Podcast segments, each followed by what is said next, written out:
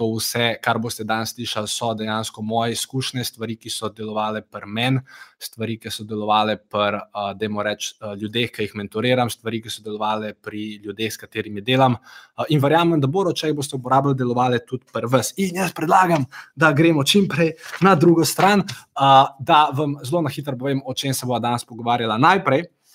Uh, eni so mi sicer svetovali, da vam to povem uh, na koncu zato ker temu rečemo, da je to najbolj tista sočna informacija. Uh, ampak jaz ne vem, zakaj bi vam do konca to zadržal, ker bo tako kot cel webinar super in nima sploh nobene skrbi, da ne bi ostali do konca. Zato vam bom to povedal že na začetku. In sicer povedal vam bom dejansko, kaj smo mi naredili v naši firmi v decembru, kako smo se mi pripravili za leto 2020 in vam seveda istočasno povedal, kako lahko tudi vi, če imate nek tim okrog sebe, zastavite cilje za prihajajočo leto. To je prva stvar. Druga stvar, tudi če nimate tima in ste pač sami svoj mojster. Um, lahko, vam bom povedal, kako lahko ta isti proces uporabite ali v svojem mini podjetju, ali pa konec koncev eh, prvo osebno, torej za vaše osebne cilje.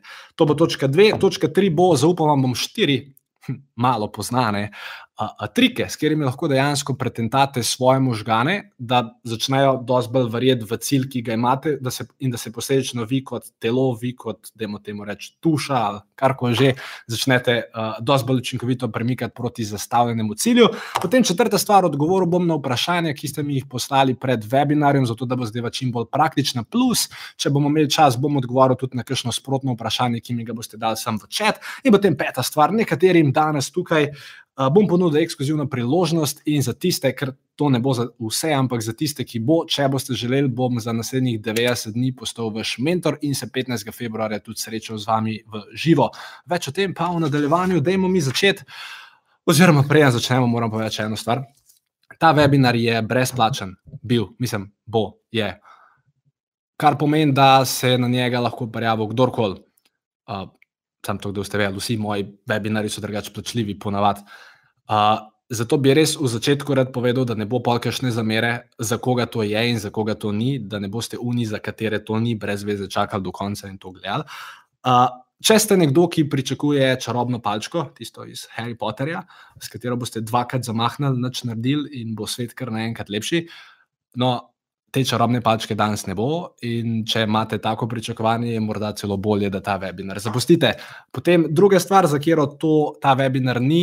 Če ste nekdo, ki je, dajmo reči, včeraj dobil idejo za vašo poslovno idejo in danes od mene pričakujete, da bom, um, dajmo reči, vam povedal, kaj točno s to poslovno idejo narediti, kako jo zastaviti, komu kaj prodati to ni današnja tematika. Danes se bomo pogovarjali o ciljih. Ne me narobe razumeti, tudi če ste se šele včeraj dobili poslovno idejo, čeprav vem, da ste tisti, ki stajo v manjšini.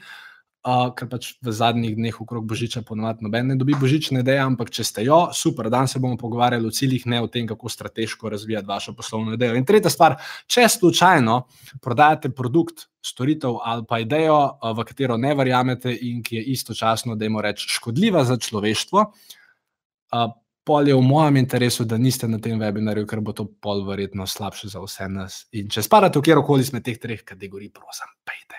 Uh, če pa ne spadate v eno izmed teh treh kategorij, kar verjamem, da vas je večina, uh, potem ste pa verjetno ali poslovnež, prodajalec, marketer oziroma nekdo, ki ima visoke karierne ambicije zase in če ste, dobrodošli. Če niste to, ste mogoče, uh, mislim, verjetno ste to in istočasno ste pripravljeni za dosego svojih ciljev nekaj narediti, kar je super. Uh, in seveda upam, oziroma verjamem, da prodajate oziroma zastopate produkte, ideje in storitve, v katere močno verjamete, kar je super. In če ustrezate kateremu koli izmed teh treh pogojev, tri je na sveti, brezplačni.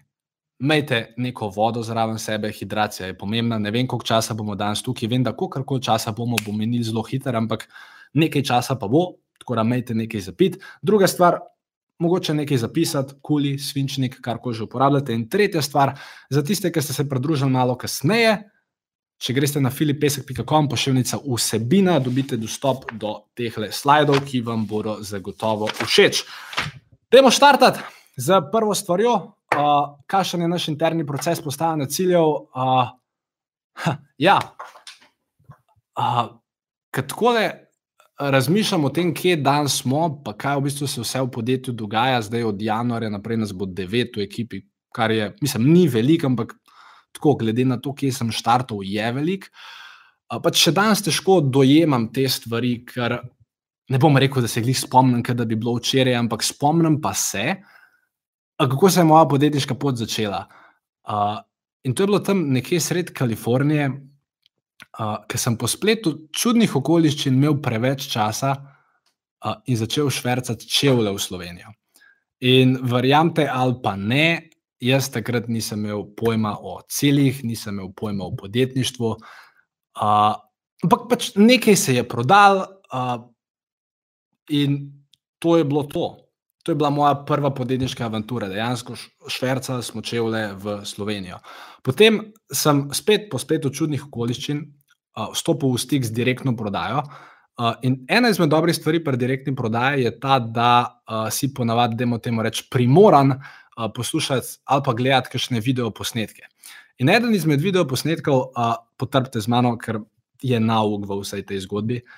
In ena izmed stvari, ki smo mogli pogledati, je bil en tak star gospod, že malo siv, ime mu je Bob Proctor.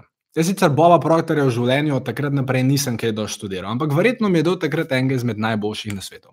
Ker Bob Proctor je takrat v tistem posnetku rekel: Le, da je odločil se, kaj bi rad, pa pet svojih ciljev, ali kratkoročnih, ali dolgoročnih, zapiš na, da mu rečeš, neko kartico, ki ima črte. To mi gre, da vas toplo vabim, da tudi vi naredite. In jaz sem takrat, ne bom vam pokazal sprednjega dela te kartice, uh, za tiste, ki vas res blazno zanima, kaj piše na sprednjem delu te kartice. Na enem predavanju sem to dejansko razložil. Mislim, da če greste na YouTube, pa napišete, um, kaj je že bila, kaj je že bil en posnetek. Uh, Filip Pesek, preprosta formula za podjetniški uspeh ali nekaj tasega. Mislim, formula je noter v naslovu, vam dejansko pokažem, kaj je bilo na, na, na tej kartici. Ampak takrat, to je bilo leta 2013, se mi zdi, sem bil v Wisconsinu, zvezdna država Amerike in takrat nisem imel take lepe kartice, ampak sem imel vizitko od ene računovodje, ki je bilo ime Pamela Meissner. In Pamela Meissner, uh, na hrbtno stran tega sem si zapisal pet ciljev. Jaz ne bom točno zdaj govoril, kaj so te cilji bili. Eden je vezan na leto 2024, en na 2034, en je bil vezan na marca 19. tisto leto, en je bil vezan na juni 2017, en je bil pa vezan na novembra 2019. Ampak to je bilo tako ene šest, sedem let nazaj. In kar je najbolj zabavno, da ta sreden cilj, na tem srednjem cilju, piše, da sem avtor knjige do novembra 2019. Uh, novembra 2019 je bil mesec nazaj. In kar je zelo zabavno, um, je to, da ne samo, da sem bil novembra 2019 avtor knjige, bil sem avtor dveh knjig, od katerih je bila ta prodana, prodana v 2800 izvodih, kar je, po mojem, ena izmed top 15 prodajanih knjig v celi Sloveniji v tem letu, iz poslovnega sveta, verjetno top 5, uh, kar je naravnost fascinantno. In jaz sem zdaj, ki gledam nazaj, pa ki gledam to kartico, kako koli se to smotan zdi. Ko enkrat v glavi sprejmeš odločitev, ki se enkrat odločiš, kam bi rad šel. In seveda, ko si potem za te cilje, si pripravljen delati interdo, in pametno, ko uh, poleg tega imaš pravo strategijo, prave mentore, ljudi, od, katere, od katerih se lahko učiš, je dejansko vse mogoče. Mogoče ne v enem letu, mogoče ne v treh letih, ampak praktično v desetih letih, kar ko se odločite, načeloma, vsaj po mojih izkušnjah, lahko dosežete. In poje v bistvu samo na vas, kaj točno se odločite, da boste v teh desetih letih uh, naredili. In ja, pač ne vem. Mene je malo uh, mal zmrazil, ker sem v tem študiral in res toplo vas vabim, če boste danes po webinarju imeli cajt, vzamete eno tako kartico, napišite si pet ciljev. Bom povedal tudi seveda v nadaljevanju webinarja, kako jih postaviti, kako jih definirati itd. Ampak ja, pri meni je deloval, pri Bobu Proktorju je deloval, verjamem, da je tudi pri vam deloval. Skratka, gremo mi na naš interni proces uh, postavljanja ciljev. Uh, nimate tukaj nič napisano, zato ker, sem, um, ker bomo zdaj to skupaj napisali. Sorry, sem, malo sem zabredel v spomine, pa v to gospod Pam Meissner. Se je kar dobro zgledala. No, uh, kakorkoli. Uh, če ste tole, kar bom zdaj povedal, vam bo prav prišlo, če vas je v podjetju že več, torej če imate okrog sebe neko ekipo. Ampak tudi, če nimate, bi jaz na vašem mestu to zapisal, ker ko boste enkrat imeli ekipo, boste to rabili, oziroma tudi ta proces lahko malenkostno prilagodite, pa tudi, če ste sami ga konec koncev lahko uporabite. Prvi korak, torej če napišete korak številka ena, je, da sami sebe in ključne ljudi v podjetju odpeljete na lokacijo, ki ni enaka vašemu delovnemu okolju. Naj vam dam nekaj primerov. Recimo, da svojo vodjo marketinga, pa svojo vodjo financ odpeljete na Roglo ali pa v Portorož ali pa pač nekam v Kransko goro, nekam, kjer niste vsak dan, nekam, da se lahko res odklopite, da se lahko zluftate. In ta točka ena je bila edina točka, ki jo nismo dosledno naredili mi od vseh teh desetih, zato ker smo zaradi pomankanja časa to naredili v tej naši pisarni. Ampak kamorkoli greste, ker pol zdaj vse te, da imamo kvartalna srečanja, ki imamo, bomo naredili na neki drugi lokaciji. Sam tukaj dejansko pri teh celoletnem načrtu smo zasrali. Ampak ja, če se da, vzami ključne ljudi v vašem podjetju, pri meni je bil to direktor marketinga, Rene pa vodja financ oziroma pisarne Sara in smo dejansko dva dni čepeli v tej sobi in tuhtali. Zdaj, kaj smo tuhtali? Ko enkrat imate ključne ljudi, ali pa če ste pač sami, ste pa sami. Uh, pol je čas za korak številka dve. In ta korak številka dve je, da tako, da moramo reči malo nonšalantno, vsak izmed teh ljudi, ki so v sobi, reče eno številko, ki bi jo rad letos dosegel. V smislu, da, da ne vem, oseba A reče, jaz mislim, da bi mi letos mogli imeti pol milijona evrov prometa. Potem oseba B reče, mi, jaz mislim, da bi mogli imeti, glede na kar smo preteklo leto naredili, pa glede na to, kako rastemo, da bi mogli imeti 600 tisoč evrov prometa. In potem imate tam vedno enega konzervativca, osebo C, ki reče, jaz mislim, da bi mogli narediti 400 tisoč evrov prometa. In kar je bistveno pri tem koraku dva, je, da kakršna koli že ta številka je, da je v tistem trenutku ne evaluirate, da jo napišete na tablo, ker se boste k njej vrnili kasneje. Torej, da vsaka izmed teh oseb, oziroma če ste sami, si izmisli neko številko, ki se ji zdi smiselna, glede na poslovanje v prejšnjem letu in glede na rast, ki bi jo radi imeli, in jo napišete na tablo. To je korak B. Korak tri. Je, da vzamete eno drugo tablo, lahko je ta tabla, lahko je kjerkoli druga tabla, in napišete stvari, ki so v preteklih letih dobro delovale. Ker kar je problem v podjetništvu, ali pa tudi v osebnem življenju, ali v karieri, ali kjerkoli, je to, da ljudje pogosto najdemo stvari, ki delujejo, ampak potem iz neznanih razlogov tiste stvari, ki so delovale, jih ne ponavljamo več, ampak delamo kar neko toplo vodo, hočemo izumeti pa vedno nekaj novega, čeprav so one stvari že super delovale. Zato je bil tretji korak, da si vzamemo. Mi smo si vzeli na tej točki vsaj uro ali pa uro, pa pol, hej, kere stvari so v, dve, v zadnjem letu pa pol delovale. Aha, delovalo je uh, to, da ekipo vzamemo na team building, ker se tam rodijo dobre ideje. Super, da imamo napisati to. Uh, delovalo je, da smo vem, zgradili tak prodajni lijak na spletu. Super, da imamo to napisati. Delovalo je, da smo naredili webinar. Super, da imamo to napisati. Dejansko pišeš vse stvari, ki so delovale. Ne to, kar je ideja tvoja, ampak to, kar je v preteklosti se že izkazalo, da deluje. Ok, bo šlo, to je korak tri. Korak štiri so pa nove ideje. Tukaj bo spet, po mojem, mislim, odvisno, koliko časa že poslujete, pa koliko vas je, ampak tukaj boste kar nekaj časa zapravili, nič ni s tem narobe. Torej, napišete vse nove ideje. Hej, kaj pa misliš, da bi mi mogli v letu 2020 še novega sprobati? V smislu, aha, nikoli nismo sprobali na sejem, super, to je ideja. Opcija D, ne vem, nikoli nismo. Uh, mislim, da bi mogli reorganizirati ta del podjetja, super. Uh, uh, potem stvar C, mislim, da bi mogli uh, narediti to. Mislim, da razumete. Da, bla, bla, bla, bla, bla. Torej, napišeš vse nove ideje, uh, ali povezane z marketingom, ali s prodajo, ali z organizacijo, ali z administracijo, ali kjer koli stvari, ki so, ki bodo omogočili dosego tistega cilja, ki ste si ga na začetku zapisali. Urejo? To je četrta stvar. Potem peta stvar zahteva, da imate reči kritično razmišljanje. Ker, kar je bistveno pri tem koraku 3 pa 4, pa to bi se mogoče bilo vredno zapisati za tiste, ki si delate zapiske, ko se te stvari pišajo in pri točki 3, torej te, ki so delovale super v preteklosti, plus te nove ideje, ko ta proces delate, ne evaluirate. Torej, če oseba A reče, v tem primeru Sara, jaz mislim, da bi mi mogli narediti bla bla, ni moja naloga, pa naloga od Reneja, da reče, to je slabo, to ne bo delati. Čeprav si mogoče to mislil, ali pa ne. Pač bistvo je pri tem koraku 3 pa 4, samo da napišeš vse stvari da pač vse spravaš ven na nek list papirja oziroma na tablo. Šele pri koraku pet te stvari evaluiraš. Dobil bo seznam stvari, ki so delovale, pa seznam novih idej. Teh skupnih stvari bo, po mojem, vsaj 20, če ne 40. In pri vsaki izmed teh stvari se ustavite, pa je dodajte oznako A, B ali C, ali jo pa v celoti prečrtajte.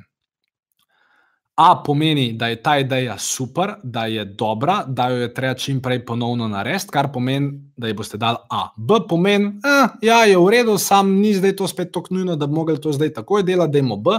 C je pa, eh, ja, sej, ja, je dobra ideja, sam lahko ta lahko pa res počaka. Okay? A, B, C. In tista, ki je res totalno gnila, kar ne, mi smo, mislim, napisali okrog 45 stvari, pa smo samo dve stvari prečrtali. Uh, torej, vseh ostalih 43 razporedite od A do C. Bo šlo? Bo. A pomeni najbolj genialna, da je to probat zdaj, da je to čim prej naprej spraviti. B pomeni, da se bomo, C pomeni pa proti koncu leta, mogoče naslednje leto. Ko to enkrat naredite, a ste še z mano, upam, da ste še z mano. Ko to enkrat naredite, uh, date stvari v uh, torej vse A stvari, če je le možno, pa če vam čas dopušča, dajte v vaš interni koledar podjetja. Torej, mi uporabljamo Google Calendar, kaj uporabljate vi, ne vem, ampak vse te projekte, vse te ideje, vse te vem, administrativne zadeve, prodajne lijake, promocije, itd., razporedite v Q1. Torej, vem, od januarja 10. do 30. se bomo fokusirali na to. Od Aha, takrat bo 4. februarja deadline, da se ta administrativna stvar zrihta. 10. februarja je čas za to. Hope you get the point. Pač naredite, uh, kako bi temu čovek rekel, uh, razporeditev teh stvari v vaš Q1. Q1 pomeni kvartal 1, torej prvo tri mesečno obdobje od januarja 1. do 31. marca, oziroma januar, februar, marc. Ja, 31. Um, Plus, kar je pomembno pri tem koraku, mislim, da je šest, ne vem, kje je, mislim, da je šest, je, da istočasno, ko date, oziroma ne, to je korak, torej šest je, da to date v koledar, korak sedem je, da smiselno razdelite odgovornosti. Ker najslabša, mislim, ena izmed slabših stvari, ki jo lahko naredite, je to, da date stvari v koledar in pol se ne zmenite, kdo je za kaj odgovoren. V smislu, če je do 4. februarja ta administrativna stvar zrihtati, hej, ti si odgovoren, to je tvoja naloga, če ne bo narejena, te bomo pač kar ko že imate v, v podjetju, um, um kar ko že rečete, a se linčate, a se bičate, ne vem kaj je. Bomo jezni, ne vem, kjer koli besede že uporabljate, ampak to je tvoja združitev, to je tvoja naloga, ti to organiziraj, to, to je tvoje. Okay? To je sedem korak, torej to se zmenite med sabo. Potem osma stvar, ko vse te promocije, ko vse te stvari, ko vse te izboljšave date v vaš Q1 koledar. Um, določite cilj prvega kvartala, finančni cilj, v smislu, če ste se odločili, da boste imeli v Q1. Torej, če ste podjetje, ki že nekaj časa posluje, pa tako, tako imate že nekaj predvidljivih prihodkov, ki veste, da se bodo v januarju zgodile, tudi če nič novega ne naredite. Torej, k tem že obstoječim prihodkom, za katere veste, da se bodo zgodili, dodajte še vse te prihodke, ki jih bodo te, da imamo reči, nove aktivnosti ustvarile in potem določite cilj za Q1, torej finančni cilj ali bruto ali neto, to se odločite sami, finančni cilj za Q1. In recimo, da, da, da se odločite, da mi bomo pa naredili v prvem kvartalu 92.521 evrov. In um, ko določite ta finančni cilj, ko to zračunate, ko postavite prodajne cilje, itd. Samo na podlagi, to je zdaj korak 8, bil, po mojem, korak 9 bi potem bil na podlagi tega Q1 cilja določite letni cilj.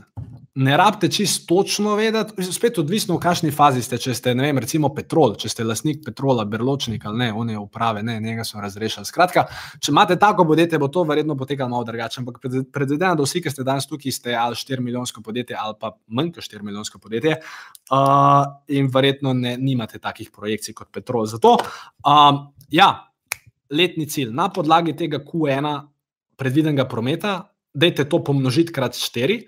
Pa je pa čisto odvisno, koliko boste konzervativni. Če mislite, da v podjetje res strmo raste, ali pa da imate mogoče sezonsko podjetje, kjer v Q1 ni toliko prihodkov kot v Q2, pa Q3 itd., Skratka, na podlagi tega določite nek smiselni letni cilj. Ne rabite čisto točno vedeti, odkje bo vsak evro prišel, ampak sestavite eno številko in potem jo primerjate z uno številko, ki ste jih prej rekli. Potem tam naredite še malo ujemanja, če je treba, in nekako družno določite številko, in se odločite, da mi pa letos ciljamo na toliko prometa. Ne vemo še čisto točno, kako se bo zgodil, vemo, kako se bo zgodil v Q1, ko bo konec Q1, se bomo ukvarjali s Q2, ko bo itd. Hope you get the point. In potem je čas za korak 10. Uh, če smo že pri koraku 10. In sicer, ko imate ta cilj napisan, pa dajmo reči, da ste zdaj podjetje, ki ne vem, dela 50 tisoč evrov prometa na leto. In zdaj na koncu drugega leta bi pa vi radi 90 tisoč evrov prometa naredili. Vprašanje, ki si ga morate postaviti, je, kdo moramo postati, ali pa kdo moram jaz, direktor, postati, zato da dosežem ta cilj. Kaj moram vedeti, kar letos ne vem, kar moram znati, kar letos ne znam, kaj moram narediti, kar letos nisem naredil, oziroma z drugimi besedami, ugotovite, na katerih področjih boste mogli delati, kje se boste mogli izobraževati. Aha, fakt, če hočem iz tok prijeti na tok, rabo bom nekaj znanja o marketingu, rabo bom nekaj znanja o prodaji, kje se lahko to naučim, na kere seminarje bom šel. Ta točka deset je v bistvu skoraj. Oziroma, po mojem mnenju, bolj pomembna kot vseh ostalih devet skupaj. Ker, če vi mislite, da boste z istim znanjem, kot ga imate danes, dosegli dvakratno rast, je ne boste. Ni šans, ker vedno boste plačani, glede na to, koliko veste, glede na to, koliko znate. Ok, so določeni faktori, ki potem vplivajo na razne stvari, ampak ja, več ali manj, več kot boste vedeli, več kot boste znali, več kot boste uh, si upali, več kot si boste drznili, bož bo. Zato je zelo ključno narediti to deseto stvar. In upam, da je bilo teh deset točk smiselnih. Vem, da sem jih hitro zrecitiral, danes nas čaka še ogromno vsebine. Upam, da razumete, upam, da se vam zdi smiselno. Če ima kdo kakšno vprašanje glede tega, naj ga zapiše. Jaz vam bom povedal eno prav posebno skrivnost, ki jo v bistvu ne ve skoraj nihče.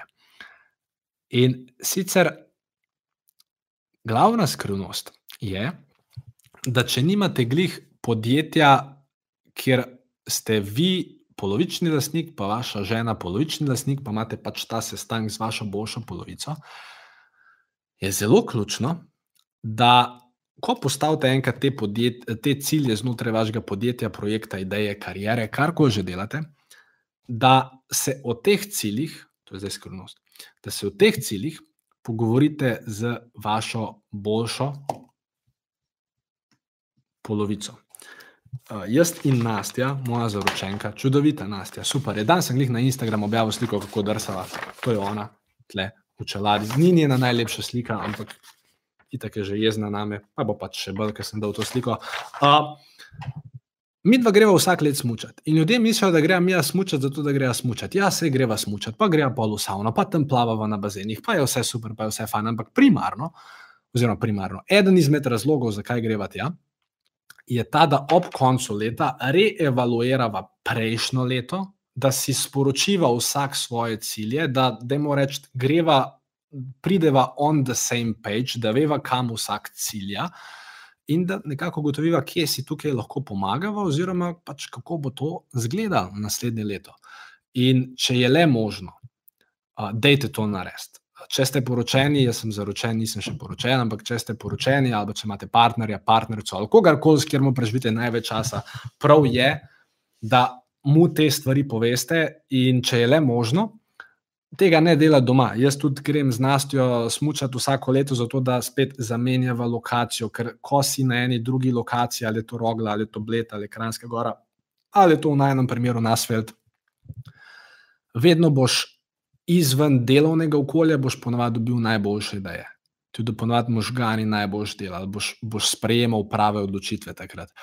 Uh, in zato vas res vabim, da, da čim večkrat spremenite um, vaše okolje in predvsem, da upoštevate ta dva, uh, ta dva, te dve strategiji, ki sem jih kar povedal. Torej, da se usedete z vašo ekipo. Tukaj je vprašanje, ja, ponoviš, prosim, katere cilje upišemo v koledar A in koledar B. Tle je samo en koledar uh, in ta koledar je Google koledar, vsaj v našem primeru, torej prioritete od A do C razporedite, oziroma stvari od stvari, ki ste jih označili z A, upišete v kvartal ena, vse ostale boste potem ob koncu kvartala ena upisovali naprej v urnik. Razen seveda, če ste že orang večje podjetje, pa boste plane delali za celo leto, potem lahko seveda naredite plane že takoj za celo leto naprej. In ker smo že prej govorili o, o spremembi okolja, pa o spremembah nasploh. Uh, Za tiste, ki me poznate, tako, tako veste, da sem uh, prodajalec, da sem marketer, da sem nekdo, ki če v nekaj verjame, bo to povedal brez lake na jeziku, isto bo, to, isto bo tudi danes. Ker če ste nekdo, uh, ki uh, išče to spremembo, ki rabi neko pomoč pri tem vstopu v leto 2020, uh, mislim, da vam bo to, kar vam bom danes povedal, zelo všeč. Je pa tako. To, kar boste slišali danes, boste slišali kot prvi. To ni še nikjer v javnosti, to ni eh, landing page, zato še ne obstaja, oziroma je v izdelavi. Danes boste bili dejansko prvi, ki boste dobili to povabilo, s tem tudi dobili možnost, da si to stvar zagotovite pred ostalimi, ker ne bo na voljo veliko mest. Um, in ja, vem, da ne bo za vse, ampak za tiste, ki mi zaupate, za tiste, ki bi radi, da vas zdaj moram reči, mentoriram, bi za naslednje dve, tri minute na hitro prisluhnil, ker mislim, da vam to le zna biti všeč. Zdaj, komu je namenjen, karkoli bom že pač zdaj povedal. Uh, morate biti podjetnik.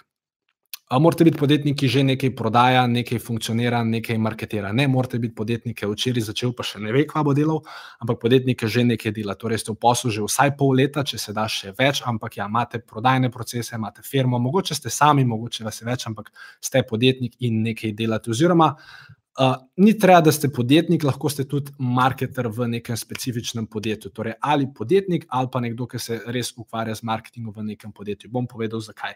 Zato, ker če te cilje, o katerih bomo danes v nadaljevanju govorili, če jih hočete doseči, uh, boste rabili verjetno in strategije, in taktike, in pomoč, in nekoga, da vas brca urit. In danes bi vam rad premjerno za ponudil 90-dnevni, da imamo temu reči, all access dostop do mene. Kaj to pomeni? To pomeni, da bi rad v naslednjih treh mesecih uh, z vami naredil uh, tri prav posebne webinare. Torej, vsak mesec enega webinar, majhna skupina ljudi, kjer me lahko dejansko vprašate karkoli in kjer lahko pol ure vsakič debatirava o vaši specifični situaciji. To pomeni, da mi vi lahko pošljete vaše spletne strani v pregled, vaše oglase v pregled, me vprašate glede strategije, če se lahko skratka, rad bi vam podaril tri klice z mano v majhni skupini v naslednjih treh mesecih. Mislim, da vam bo to prišlo zelo prav. Torej, predstavljate si, da bi jaz pa vi sedela za mizo in me lahko karkoli vprašate. Verjamem, da vam bo všeč. To je ena stvar. Druga stvar, dobite dostop do vseh za tri mesece dobite dostop do vseh mojih online tečajev in preteklih delavnic, ki so bile kadarkoli posnete.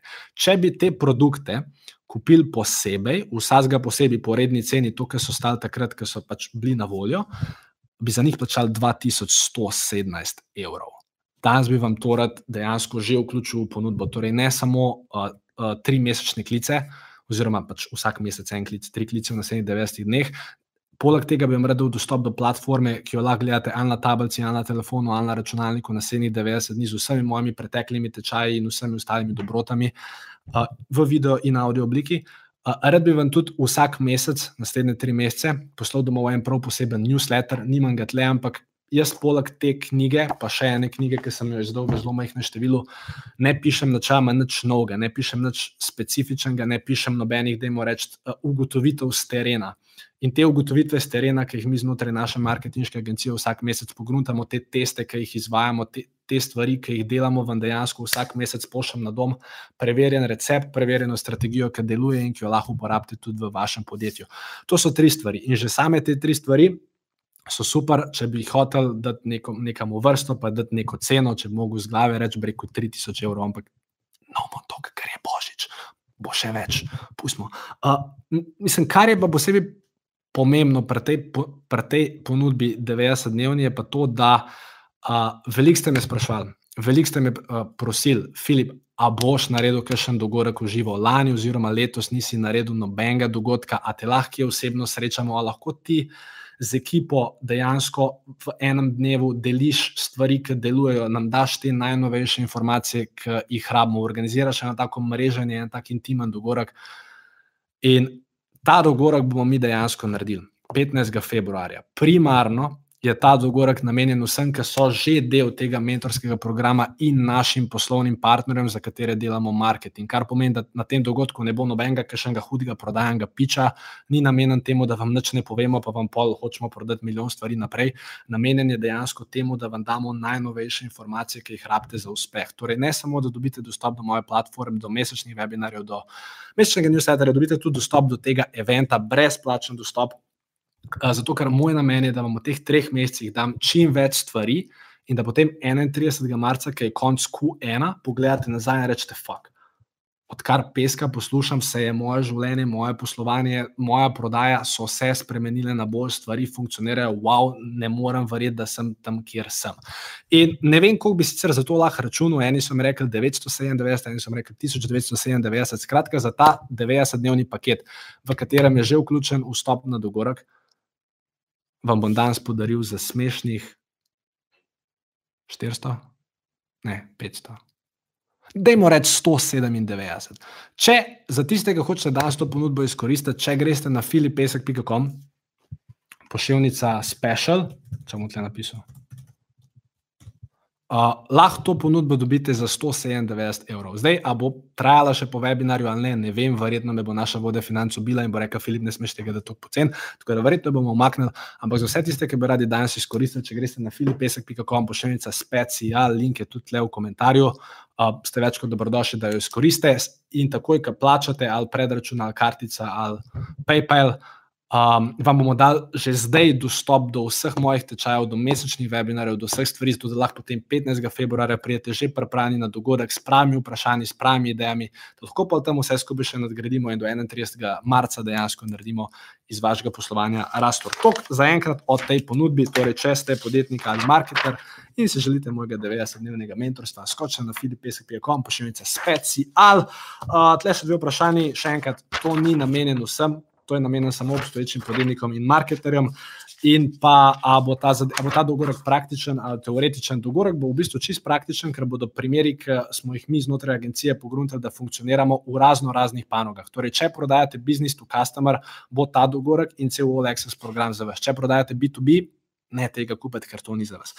Uh, to, torej, klici, so, klici so praktični, mesečni newsletter je praktičen. Edina stvar, ki je teoretična, ker neke teorije tudi rabite, so pa vsi ti moji online tečaji, do katerih dobite dostop za naslednjih 90 dni, tablice, telefon, kjerkoli. Skratka, može pretiravam, ampak tle imate vse slike tečajev, vse stvari, ki jih dobite. In ja, vesel bom, če skočim na filipesb.com, pa še enica special. Mi gremo naprej s cilji. Uh, kot veste, link je filipesp.com, pa še nekaj special. Kot veste, ali pa kot morda ne veste, jaz ogromno časa posvetim izobraževanjem svojim. Jaz mislim, da sem letos zapravil okrog 15 tisoč evrov za razne mentorje, coachinge, izobraževanja, mastermind, itd. Um, in spomnim se, da sem šel dve leti nazaj na en prav poseben dogodek v Slovenijo. In zakaj vam govorim, da sem šel na ta dogodek? Zato, ker uh, naslednji slajd je iz tega dogodka in tudi vsa teorija, ki jo bom razvil, je potem iz tega dogodka. In sicer šel sem na dogodek postavljanja ciljev, ki ga je imel Jani. Jani Pravdič, super podjetnik, super oseba, danes so čudovita uh, prijatelja, mislim, da je celo milijonar, zdaj že poslal, ne vem, ampak full dobro mu gre. In on je dal takrat na, on ima brata, mislim, je imel brata, mislim, da ima še zdaj brata, po logiki bi mogel imeti brata. In on je takrat dal na PowerPoint, prav sliko sem si, si dal to sliko, upam, da jo imate pred sabo. Ampak to so cilji, ki si jih je njegov brat pred vstopom v ne vem, kaj je bilo to, pred vstopom, da mu reče leto 2016 ali pa 2017, ki si jih je postavil. In on je napisal na ta list, torej Torej, prva točka, prvi cilj Amerika, v oklepaju long term, drugi cilj organiziranost, tretji cilj zbujanje, četrti cilj delavnost, peti cilj 10 plus pomežik ali pa probat obdržati zvezo, šesti cilj finančno osamosvit, sedmi cilj premisli predno rečeš in osmi cilj tabla. Jaz bi na tem mestu Janjevega brata, uh, katerega ime sem žal pozabil, bi ga pohvalil. Ker, če drugega ne, si vsaj postavil cilje, ker večina ljudi si jih niti to ne. Kar pa je tudi Jani izpostavil na samem izobraževanju, pa kar ste tudi verjetno sami ugotovili, te cilji niso čist nad specifični, in ko bo konec leta, uh, on ne, mogel, ne bo mogel vedeti, ali je te cilje dosegel ali ne, ker niti po mojem še sam ne ve, kaj točno je s tem mislil. Uh, vem pa jaz, kaj je mislil s tistim 10 plus pomežik, ampak o tem bomo kdaj drugič. Zato, ker to mislim, da gleda moj brat, ki je ene deset let star, pa boš, boš da ne govorimo o teh stvarih. Um, ja, ker bistvo je, da ko si enkrat postaviš cilje, ali je ta cilj osebni ali je ta cilj poslovni. Fajn je, da ima rep pa glavo, pa da točno veš, pri čem si. Ker če ne veš, kam greš, oziroma če je tvoj cilj zbujanje, ali pa srečen, sem srečen, boste zelo težko merili, kako si srečen in boste vedno na koncu leta nekaj racionalizirali. Ja, vse sem sigurno bolj srečen, ker prejšnji let, pa vsaj umrl, nisem letos, pa vsaj ne vem, kap meni. Skratka, cilji morajo biti vsaj malo specifični, oziroma morajo biti, da jim rečemo, postani na ta pravi način. In tukaj lahko upoštevate, teh lepih črk, ki se jim reče smart. Če že nekaj časa hodite na seminarije ali pa če ste prebrali kjerkoli, ali pa vsaj kakšno knjigo o postavljanju ciljev, ste za teh pet črk že slišali. Bom pa vsem povedal, kaj to pomeni in vam bom istočasno povedal, kako si lahko vi postavite smart cilj, kako si ga ne postaviti, kako si ga postaviti in kako pa dejansko tudi eh, dosežete, da ga. Dosežete. Torej, prva stvar, oziroma se pomeni, da naj bo ta cilj specifičen. Torej, lahko si zraven napišete specifičen. Druga stvar, bom razložil vsako stvar. Druga stvar pomeni measurable, oziroma po našem merljiv. Tretja stvar pomeni achievable, oziroma po naše dosegljiv, ampak ker imamo glihle A, lahko napišemo achievable. Kako se napiše achievable, ne vem, bil sem dve leti v Ameriki, ampak črkovanje ni bilo nikoli moja jaka stran. R je realistic in T pomeni timely oziroma po naše časovno omejen. Kaj zdaj to pomeni? Jaz najbolj, da vam dam kar primer. Uh, speci, oziroma, da imamo najprej tu teorijo. Specifičen pomeni, da se jasno ve, kaj ta cilj predstavlja. Merljiv pomeni, da ga boste na koncu leta lahko z nečem zmerali. C, achievable pomeni, da je dosegljiv.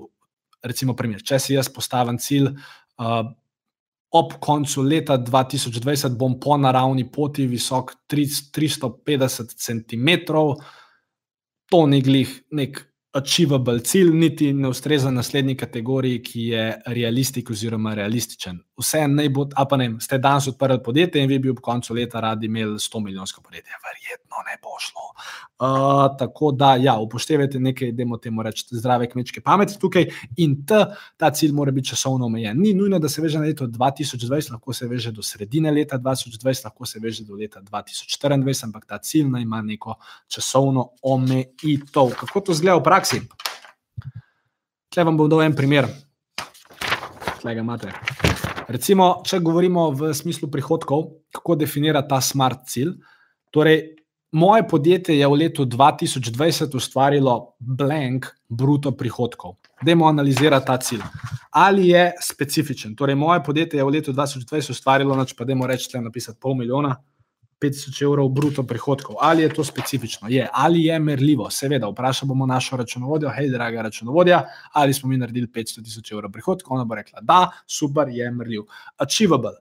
Ali je dosegljiv? Ja, če ste glih dan začeli svojo poslovno pot, verjetno v prvem letu ni achievable, uh, ampak če pa ste letos, ne vem, 300 tisoč evrov naredili, pa 500 tisoč evrov čist achievable. R, realistika ali je stvar realistična, sve je spet zelo podobna kategorija.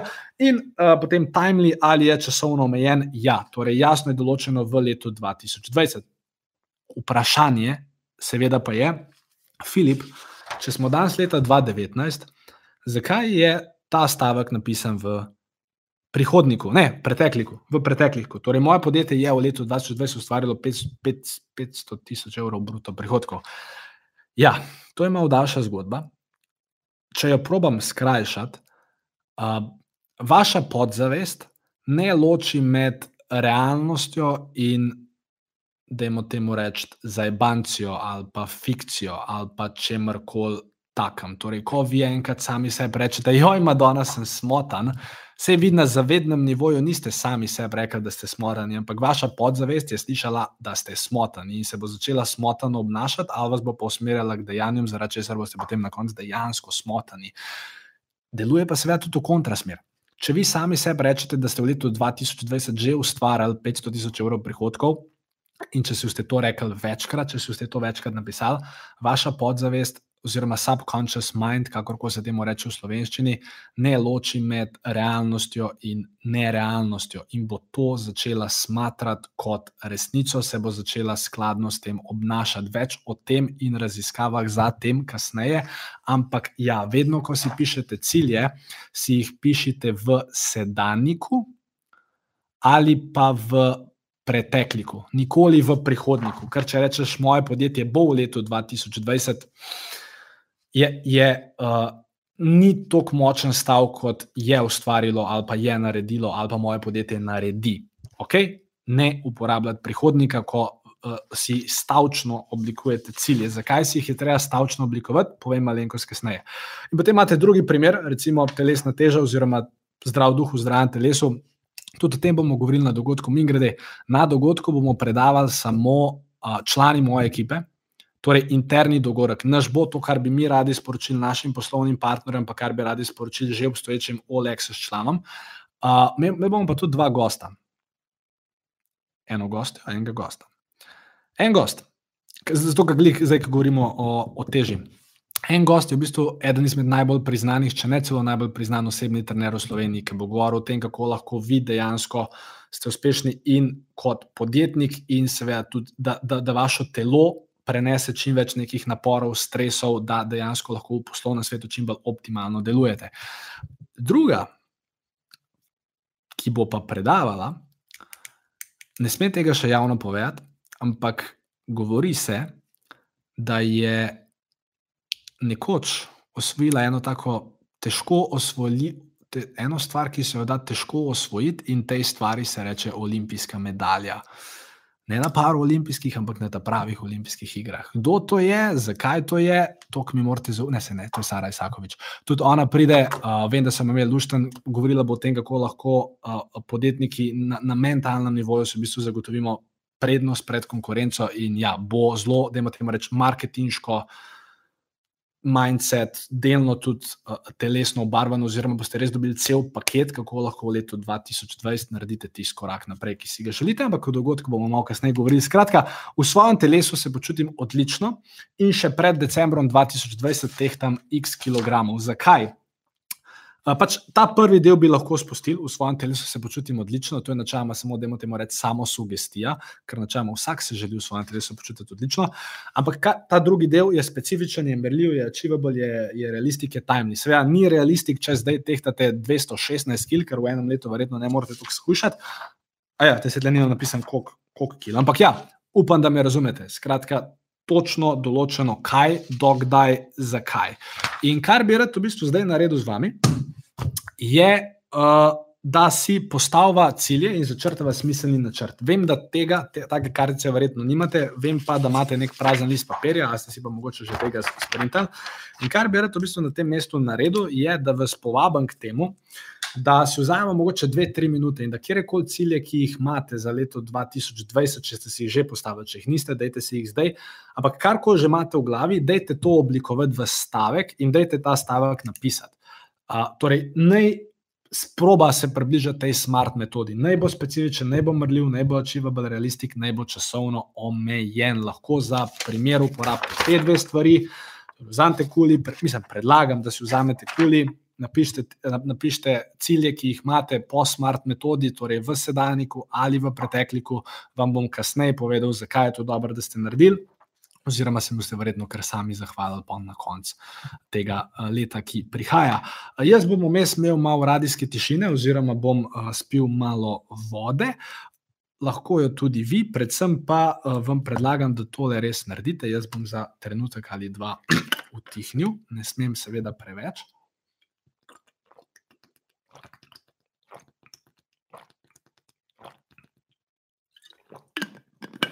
In ja, Če ima kdo na tem mestu kakšno vprašanje, mislim, vi kar pišete, delajte se za kakšno sekundo, da me ne slišite, čeprav je to težko, ker imam tako simpatičen in energičen glas.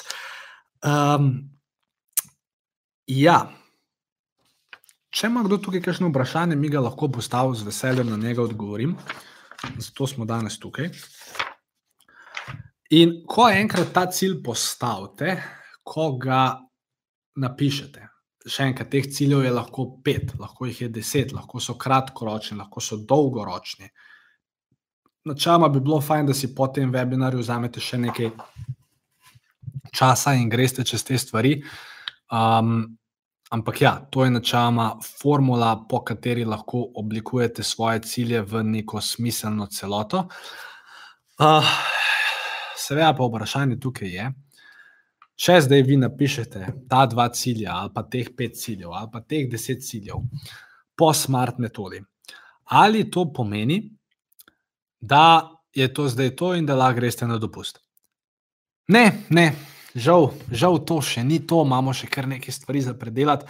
Prva stvar je, še posebej za tiste cilje, ki so vezani na številke, ker še enkrat sem bolj srečen mislim, lahko to napišete, sam tega ne boste mogli meriti, ne boste mogli vedeti. To ni, mislim, to ni glih smiselno si tak cilj postaviti. Um, ker predvidevam, da te cilje, ki ste jih napisali, imajo neke številke, imajo neke merljive stvari. Kako zdaj s tem ciljem operirati? Ja, zelo Ok, čakaj, oziroma ti ima eno vprašanje, Tim, ti bom zdaj odgovoril na njega. Uh, potem bomo šli pa mi na naslednji slajd in sicer uh, tole znanje matematike in vse ostale dobrote, ki se jih veselimo.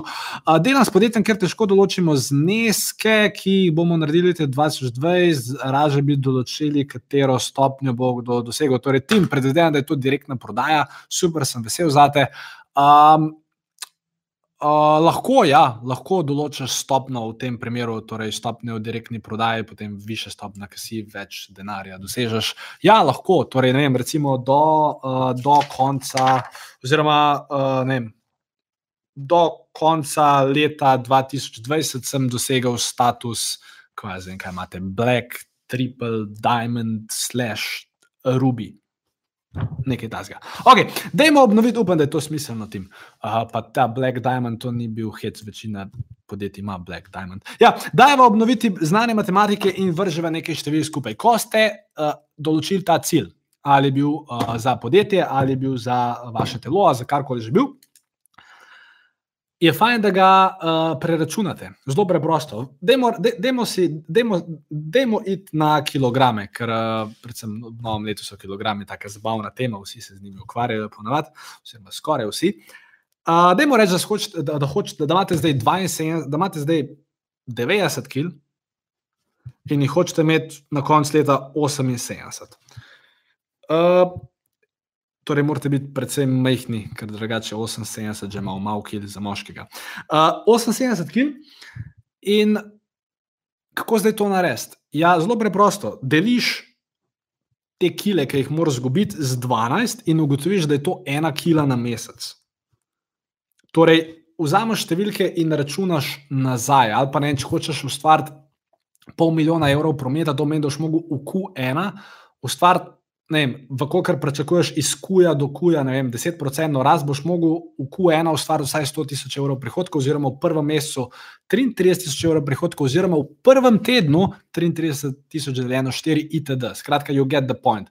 Iz te ta velike celoletne številke sestavite mesečne, oziroma sestavite tri mesečne številke, sestavite mesečne številke, sestavite tedenske številke, ker nekdo, ki je bil pameten, je nekoč rekel, Dobro leto je sestavljeno iz dobrih mesecev, dobri meseci so sestavljeni iz dobrih tednov, in dobri tedni so sestavljeni iz dobrih dnevov. Zato je zelo pomembno, da dejansko na podlagi teh letnih ciljev postavite kvartalne cilje, mesečne cilje, tedenske cilje, itd. Ali pa če greste v eno kontrasmer, kot smo na začetku naredili, da najprej naredite cilje za Q1 in potem iz tega letne cilje, itd. Torej, matematika je zelo pomembna pri vseh teh stvarih, ki so merljive. Upam, da je to kul. Cool. Spet, ali je to vse, kar morate vedeti? Ne, definitivno ne, kar je zelo ključno. Je to, da imate nek akcijski načrt. Če se dotaknemo spet kilogramov, pač zdijo se mi zanimivi. Uh, če hočeš ti zdaj, ali pa ne, ali pa spemo v kontrasmer, da moraš, da hočem jaz pridobiti 4 kg mišične mase v tem letu, ker da moraš, da si jo res želim. Um, čeprav sem že zdaj kar šlang. Ampak ja, um, to pomeni, da ne samo, da moram jaz določiti, kaj, bom, kaj to pomeni za me na mesečni ravni, ampak moram si tudi določiti aktivnosti. Ok, če hočem jaz dvigniti mišično maso, pomeni, da moram iti Ja, malo na štirka na tem, bo mogel v fitness. Pa kar nekaj bo mogel gvihtati, pa kar nekaj bo mogel preložiti. Itd. Torej, ne, ni bistveno, da, mislim, je bistveno, da si postavite cilje, ampak potem noben cilj ne deluje na ta način, ker pa Bob Proctor v teh knjigah pa malo pretirava v drugo smer, ker pa on začne govoriti o tem, kako si lahko doma pa afirmiraš, pa bo svet lepši, pa denar pada z neba. Ne bo denar padel z neba, če ne boš ti nekam šel, pa nekomu nekaj prodal. Uh, in isto je tudi pri uh, hujšanju, če boš ti sam, ali pa, ali pa pri dobivanju telesne teže. Če boš ti sam govoril, ja, jaz pa moram to, pa si želim to, pa jo, zdaj sem fit, ne bo noč. Nekaj moraš res. Plan aktivnosti je treba sestaviti in vas toplo vabim, da si tudi vi na podlagi vaših letnih ciljev sestavite dnevne, uh, torej kaj moram dnevno narediti, zato da bo ta letni cilj na koncu leta dosežen. Upam, da je to smiselno. Uh, plus, uh, kaj še rabite? Ja, uh, najlažje, če govorimo o poslovnem svetu, če se malo vrnemo iz skil nazaj na poslovni svet. V poslovnem svetu je tako, da če želiš zrasti in če želiš hitro zrasti, je, sta dve, dve poti. Ena varianta je, da dejansko pošlješ svoje delavce od vrat do vrat, ali pa jih daš na telefone, pa kličejo gor dol, pa pač probajo prek direktne prodaje čim več prodati. Če imate te kapacitete, super, vam želimo vso srečo, upam, da vam rata. Druga, da moramo reči, ne glej bolj enostavna, ampak da moramo reči bolj, um, kot bi temu človek rekel, pot, ki lahko omogoča hitrejšo rast, je pa pot skozi marketing. In kar se tiče marketinga, če boste kot podjetje hoteli rasti, seveda, vedno lahko najdete zunanjo osebo ali pa zaposlite osebo, ki vam bo to delala. Mi, grede, če hočete, da vam mi pomagamo pri marketingu, mi našim poslovnim partnerjem računamo od 1000 evrov naprej na mesec, zato da jim vodimo marketinške kampanje. In če načeloma vam ta mentorski program ne diši in ste nekako podjetje, ki že dela več kot 100 tisoč evrov prometa in bi radi, da vam mi te stvari furamo, načeloma ne rabite tega mentorskega programa, ker vam lahko mi več ali manj vse stvari izfuramo, vas zraven svetujemo in bo vse kul. Cool. Če slučajno res to želite, čeprav dvomim, da vas je tukaj veliko, ki ustrezate vsem kriterijem, ki jih mi imamo za naše poslovne partnerje, lahko greste pogledati ponudbo na filipesek.com, bo še enica ena. Če pa ne želite.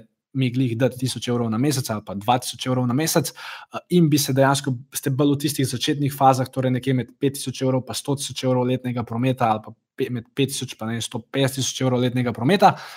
Potem bi vas pa res toplo povabil, da nekaj naredimo glede tega, uh, Filip Pesek, pošiljka special ponudbe.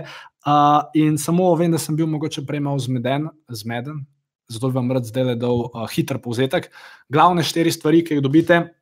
Je to, da dobite vstop za teh borih 197 evrov, dobite vstopnico na moj celodnevni dogodek. Dogodek bo v Ljubljani, v Kristalni palači, 9 zjutraj se začne, v 5 zjutraj se konča, ja, kosilo je že vključeno. In to ne bodo neki sendvički, ampak to bo tako oren kosilo, ki nas kot organizatorje stane 26 evrov na osebo. Tako da, če tam ne bo tartufov, Madona, pa škampov, pa tudi ne vem. Tako da, ja, dobite vstop na ta celodnevni dogodek, na 100 ljudi je omejen. 55 kart smo že dali na stran za vse naše obstoječe OLX člane, plus naše poslovne partnerje, tako da je na voljo res samo 45 kart. Um, ki bodo zelo, zelo, zelo hitro razprodane, še posebej potem, ko bom dal vse skupaj v javnost. Plus, uh, jaz srčno verjamem, da bo po uh, tem webinarju današnja cena celo šla na vzgor, tako da nižji, ki dan sigurno ne bo šla. Dobite vstopnico za ta dogovorek, dobite tri mesečne, oziroma dobite tri klice v naslednjih 90 dneh, kjer me lahko karkoli vprašate, kjer lahko pregledam vaše spletne strani, prodajne tekste, zastavljam strategijo z vami itd. Dobite tri mesečne newsletterje, ki jih seveda jaz genialc nimam tukaj, ampak to je taka A4 zadeva, 20 do 25 stranske, kjer razkrijem taktiko, strategijo, tehniko, nekaj, kar je pri nas prejšnji mesec delovalo, nekaj svežga, nekaj, kar lahko takoj uporabite pri sebi in svojem poslovanju, plus dobite za 90 dni dostop, 300, uh, ah, ah, 90 dnevni dostop, dostop uh, na tablici, telefonu, računalniku do moje platforme, ki vam je na voljo 24 ur na dan, 7 dni v tednu in kjer si lahko pogledate vse moje pretekle online tečaje, vse moje bodoče online tečaje, vse moje pretekle delavnice itd. Skratka, super stvar. In Ja, če si želiš, da bi bilo leto 2020 tvoje najboljše leto do sedaj, skoči na filipesek.com, pošiljka special. Mogoče se sprašujete, zakaj bi se ta seksi deal zagotovil sedaj. Ja, razlogi so štiri. Prvi je cena, kot sem rekel, nižja kot danes, ne bo nikoli, plus že to, kar danes dobite, tako kot da temu rečemo, res. Uh, Ko se temu reče, res orang šenk, oziroma orang šenka na stvar, in verjamem, da boste to znali sami presoditi in ocent. Uh, potem druga stvar je, uh, če tole gledate še v decembru, če tole kupite danes, lahko kot podjetje date to še vedno v stroške leta 2019, kar bo znižal vaš davek na dobiček, če imate dobiček, kar je tudi super. Tretja stvar, uh, kaj pa tle bi še? Uh, Jugor, uh, tiket. Ja, um, dobite seveda uh, vstopnico na dogorek, ker če boste predolgo čakali, pa odlašali z njo, je verjetno sploh ne bo več na voljo, ker bo to v januarju zelo hitro pošlo. Plus, kar je dobro, takoj ko plačate, dobite dostop do te moje platforme, dobite dostop do mesečnih klicev. Mi gredite prvi naslednji mesečni klic, naš v OLEXS programu je že 5. januarja, torej, ko danes skupite zadevo, me lahko po čez sedem dni na webinarju, lahko že pol ure z mano eno na eno govorite. Um, dobite tudi dostop do platforme in vsega, torej prijete že z momentumom 15. februarja na Dogora, kar se mi zdi sploh super. Plus, zakaj se mi zdi ključno, da to danes naredite, je zato, ker noben človek, ki blazno odlaša, pa se nekaj spreneveda, pa je tak, ki je ena spužva. Noben tak človek ponovadi v biznisu ne uspe. In res nočem, da ste neodločni, pač rajš se odločite zdaj, pa rečete, to ni za me, če pa čutite, da je to nekaj za vas, če pa si želite me spoznati v živo, če želite biti za 90 dni mojega mentorskega programa, pa pa udarite po mizi, pejte na filipes.com, pa še nekaj special, uneste svoje podatke tam, prijavite se in svet bo lepši in ko me čaka na se 15. februarja vidma. Aha, mogoče se to, zakaj je cena tako nizka, je tukaj kakšna zanka. Ja, ko se prijavite, bomo vzeli vaše podatke in pa bomo vsak mesec vam trgali 1000 evrov, brez da bi vi to vedeli nobene, nobene zanke ni. Tudi po, po teh treh mesecih, če slučajno nočete biti več del OLEX programa, ki drugače stane uh, 600 evrov za celo leto, ali ne 697, uh, vas ne bomo avtomatsko nekam podaljšali, vam ne bomo avtomatsko nekaj trgali. Torej, ko kupite karto za dolgorek, načeloma sploh ne rabite tega OLEX-a uporabljati. Lahko sem kupite za 197 karto prijete na dogovorek, v njih vsebin sploh ne rabite odpirati. Sam, če, mi, če me poznate, če mi zaupate, pa če bi se radi kaj novega naučili, verjamem, da boste tiste stvari pogledali in da, boste, da se boste ogromno novih in uporabnih stvari o prodaji, marketingu uh, in vseh ostalih stvarih tam naučili. Ok, kaj pa če 15. drugega mi ne bo uspelo priti na dogovorek, recimo če zbolim, če me ni, če me glava boli, ali ne vem, če realno ste mogoče takrat že zasedani, Nič narobe, vsem pejte na filipesbi.com, še nekaj special, special, filipesbi.com, še nekaj special. Vzamite to ponudbo, ker samo tisti, ki boste imeli to ponudbo, boste dobili posnetek do dogodka. Ker itak je ta 90-dnevni mentorski program že sam po sebi vreden ulala denarja. Ta dogodek je samo pika na i in tudi, če vas ne bo na dogodku, vam bomo takoj, ko bo možno, ker dogodek bo sneman, boste dobili na vašo platformo, kjer so ostale vaše vsebine, tudi posnetek tega dogodka. Tako da res ne bi smelo biti razloga za vaš ne nakup. Filip SP.com, še nekaj special. Mi gremo naprej na pet skrivnih sestavin, ki ti bodo pomagali doseči te zastavljene cilje. Sorry, malo sem, mal sem navdušen. Jedel sem, jedel sem pico pred webinarjem.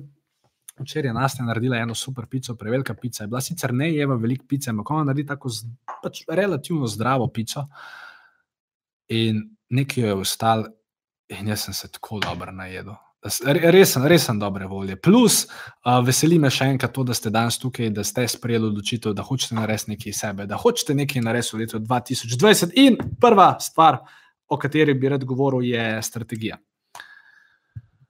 Kaj ste mislim?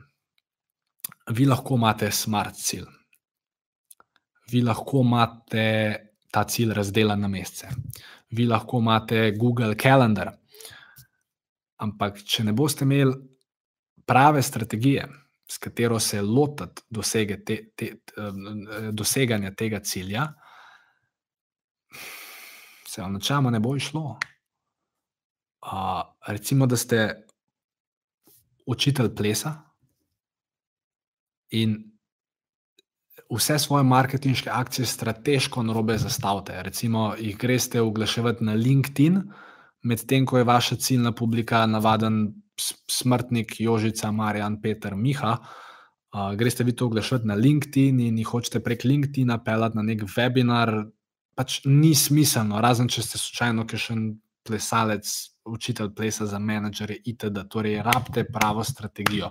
Če jo znate sami pogruntati, če jo veste, super, drugače pa seveda zelo pomaga, če imaš nekoga, ki vam lahko pri razvijanju te strategije pomaga. Če ga imate, super, jaz sem najbolj vesel za vas, če ga nimate, da sem vam to eno idejo. Uh, potem druga stvar. Illusory truth effect. Ne vem, če sem to prav rekel. Vem pa, da je to ena izmed najbolj fascinantnih stvari, ki jo boste danes slišali. Zakaj? Delali so eno raziskavo. To, to drugače ni stvar, ki sem se jo jaz mislil. Če napišete to besedno zvezo v Google, boste dobili noter orang velik zadetkov. Delali so enkrat eno raziskavo. Pozabil sem, kjer ga leta, pozabil sem, kje, vem, da je bilo na eni univerzi. In so dali učencem, so jih dali v skupino in so jim dali list z 20 trditvami. In to so bile trditve, za katere oni niso mogli vedeti, ali so resnične ali ne. Torej, primer, ne vem, recimo, košarka je postala olimpijski šport leta 1939, skratka, 1940. Skratka, bile so neke take trditve, kjer dejansko tisti ljudje, ki so bili tam, niso imeli ne predznanja, ne nobene logike, da bi to lahko vedeli. In dali so jim 20 trditev. In potem so počakali, in oni so mogli označiti, aj, mislim, po svojih najboljših močeh je ta trditev pravilna ali ne, seveda, takrat tako ni bilo interneta, niso, niso mogli načrtovati. Torej, pač označili so true, false, true, false, true, false.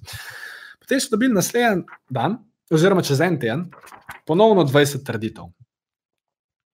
Spet so označili true, false, true, false. In, in te trditve so bile različne kot te trditve. Potem so spet čez, čez en teden dobili novih 20 trditev in spet true, false, true, false, true, false. Kar te ljudje niso pogruntali, ki so to izpolnjevali, je, da je bilo ene pet trditev, ki se je ponovil in v prvem tem uh, listu, in na drugem listu, in na tretjem listu. Torej, zelo majhen del trditev se je ponovil na vseh treh listih, ostale so bile vedno, ostale trditve so bile vedno drugačne. In kar je bilo fascinantno, je bilo to, da so pogruntali, da stvari, ki so jih te, uh, da jim rečemo, um, testni zajčki, videli večkrat, oziroma videli trikrat, da so dosti bolj samozavestno, potem pri tem tretjem listu in že v bistvu pri drugem, označili te trditve kot true, oziroma kot resnične. Ja, ok, Filip, ampak kaj zdaj to pomeni? Odlično, lepo, da ste me to vprašali. To načeloma pomeni, da mi dosti lažje verjamemo in zaupamo stvarem, ki, katerim smo večkrat izpostavljeni naša zavest, naša podzavest, naše jedro, dost lažje verjamemo in zaupamo stvarem, ki jih večkrat vidimo. In zato je bil najboljši na svet, ki sem ga kadarkoli dobil, a pa eden izmed boljših, ta, da ti načama čist nič ne pomaga. Če si te smart cilje v obliki teh stavkov napišeš na tole eno kartico, ki si jo nekam daš in nikoli več ne vidiš. To ti ne bo čist nič pomagal. Ti bo pa pomagal, če si daš to kartico v denarnico, če si te cilje nalepaš nekam na steno, da jih tvoje telo, ne, ne zavest, da jih tvoja podzavest vsak dan vidi, plus bonus na svet, vem, da se vam bo zdelo rahlo bizarno. Ampak, kar jaz naredim, kar naredi tudi Nastja, kar naredi tudi marsikater človek, ki je uspešen, je to, da si vse te cilje, ki sem jih postavil po smart metodi, vsak dan prepišem z golo roko. Zjutraj vzamem pet minut in si napišem, moje podjetje je v letu 2020 naredilo to, pa to prometa. Pol, bla, bla, bla. In vse ostale smart cilje, kratkoročne in dolgoročne, ki jih imam, si jih napišem. Zakaj? Večkrat, ker jih bom videl, Prvič, imel bom motivacijski efekt na vas v smislu, da wow, vem, se sem zmatran, samo le, to so moji cilji, spet sem si jih pogledal, spet sem si jih napisal, v redu, nam to jamrov, gremo delati, vemo, zakaj to delamo, gas. Druga stvar, ker jih boš tokrat videl, ker jih boš tokrat prepisal, bo, začne, bo, bo začel v njih verjeti, bo začel, da mora reči na tej frekvenci vibrirati, bodo začeli to čutiti ljudje okrog tebe, bodo začeli to čutiti stranke, itd. Plus, če kaj še kakšna druga dobra stvar. Um, ne, to je v bistvu to. Uh, in res vam toplo svetujem, stane vas 2 evra, torej morate si kupiti en lumpi črta zvezek ali pa kjerkoli drug zvezek in si vsak dan not napisati te cilje. Če ne gre vsak dan, napišite vsaj enkrat na tem. Moj nasvet bi bil vsak dan. Plus bonus na svet za vse tiste, ki uh, imate radi moje bonus na svete. Statistično gledano, ljudje na telefon pogledamo velikrat tekom dneva, zelo velikrat. In večina ljudi ima na, na mizi nekaj, neko sliko ali Dobar, če imate boljšo polovico, se zdaj nam spušča v to, ali je to prav ali narobe. Uh, ampak večina ljudi ima kar neko ozadje, ki ničemer ne služi. Dajte si napisati vaš cilj. Jaz imam tle napisan cilj za naš Q1, uh, je zdaj vsa, vsak dan, desetkrat, ko vzamem telefon ven iz žepa ali kar kar na dan že, vedno moja podzavest ta cilj vidi. Uh, in da greste na Instagram, naredite črn Instagram story, tako lahko se slikate v mizo in pa sam gor napišete cilj, screenshotate, date to na, na mize, ne rabite Photoshopa, ne rabite nič v dveh minutah, imate narejen ena izmed boljših stvari, ki jo lahko sami zase naredite. Ok, in vam toplo predlagam, uh, da se tega lote in da spravite ta illusory truth effect v prakso, oziroma da res čim večkrat vidite stvari, katerim aspirirate, stvari, katerim ciljate. Itd. Jaz moram samo nekaj pogledati na telefon, um, bom takoj nadaljeval. Evo, to je bila druga stvar. Uh, plus, kar smo že glih pri um, Nasti. Nastja ima eno fascinantno zgodbo, škoda, ki je danes ni tukaj z mano. Um, ampak Nastja je lani imela cilj, da bodo naredili v njenem podjetju milijon evrov. In pa smo šla prometa, uh, lani so ga pa, mislim, da 600 tisoč. In je šla z mano na konferenco, torej spremenila je svoje okolje, bila je pripravljena iti na neko izobraževanje. In tam na tem izobraževanju, ki je bila, je dejansko, glede na vse, kar je slišala, glede na vse, kar je videla, in glede na mojo spodbudo, ki sem jo ji dal, In kljub temu, da je načama se najprej pizdila name res orang, se je pa strinjala s tem, da svoj cilj, letni cilj na mest milijon, da ciljajo na milijon in pol. In ta številka še ni čist uradna, ni čist javna, ampak one bodo letos končale leto z več kot milijon in pol evrov prometa, kar je naravnost fascinantno, oziroma še en dokaz tega. In nas je takrat upoštevala vse moje nasvete, se da to na namizje. Uh, tudi, seveda, ogromno uh, delajo, vložila ekipoma, ki sledi navodilom, vejo, kaj delajo v marketingu, pametne so, brihtne so. Sem bil zelo ponosen, da jim je ta cilj rata dosežen, še bolj sem ponosen na to, ker sem dejansko nastojo videl vsak dan. Uh, ki si je to prepisvala, ki je to imela na zaslonu, ki je to varila in ki je pa dejansko to naredila. In srčno verjamem, da se vam tudi nekaj podobnega, um, podobnega zgodi. Mi grede, um, tim, gala, Jan, čestitke za nakup karte. Jaz imam tle le tale live dashboard, sem videl, da ste se odločili, boste prišli na dogorek, super, sem fut ponosen na vas, lepo. Za vse ostale, ki uh, boste še prišli, sploh ne, če sem vse pogledal, ampak uh, ja, Filip SP.com, pa še nekaj special, vzamete to ponudbo, dokler traja. Potem tretja stvar. Nekdo, ki te bo spodbujal, je tretja sestavina, ki jo rabite. Kako vam bi to najlažje razložil? Ja, zelo preprosto. Jaz sem Jaz hodim v fitness, recimo. In jaz vem, da vedno, ko sem v fitnessu sam, naredim manj kot takrat, če je z mano trener. Pa ne, da bi bilo karkoli narobe z mano, ampak enostavno, če imaš tam nekoga, ki te spodbuja, če imaš tam nekoga, ki ti po 12. ponovitvi pomaga potisniti tu na štango na zgor, če imaš nekoga, ki ti reče, hej, alo, dej, demo, če imaš nekoga, ki te zna brcati, po domače, mislim, ne dobesedno bo dejansko dosega tega cilja dosti lažje. In ena varianta je, da si najdete coacha oziroma mentorja oziroma nekoga, ki vam bo pri tem pomagal. Druga varianta pa je, uh, da si najdete, da imamo temu reči, accountability buddy. Uh, to je lahko vaš mentor, to je lahko vaš coach, lahko je pa kar neka XY oseba. Lahko je to, oziroma nekdo, s katerim se, da imamo reči, vaš podjetniški kolega. Pa se magar zmenta, pa se enkrat na mesec slišite, pa si zaupajte, kaj so vaši cilji v tem mesecu, kaj so njegove cilji v tem mesecu, in potem na koncu vsakega meseca si samo povejte, da ste te cilje dosegli. Ker zelo velik vpliv na nas ima to, če dejansko svoje cilje nekomu zaupamo. Uh, ker včasih jih potem naredimo, oziroma se potrudimo samo zato, ker nočemo te osebe razočarati. To je tako ekstra na svet, brezplačno, še vedno. Uh, četrta stvar, ki jo rabite, so prava poznanstva.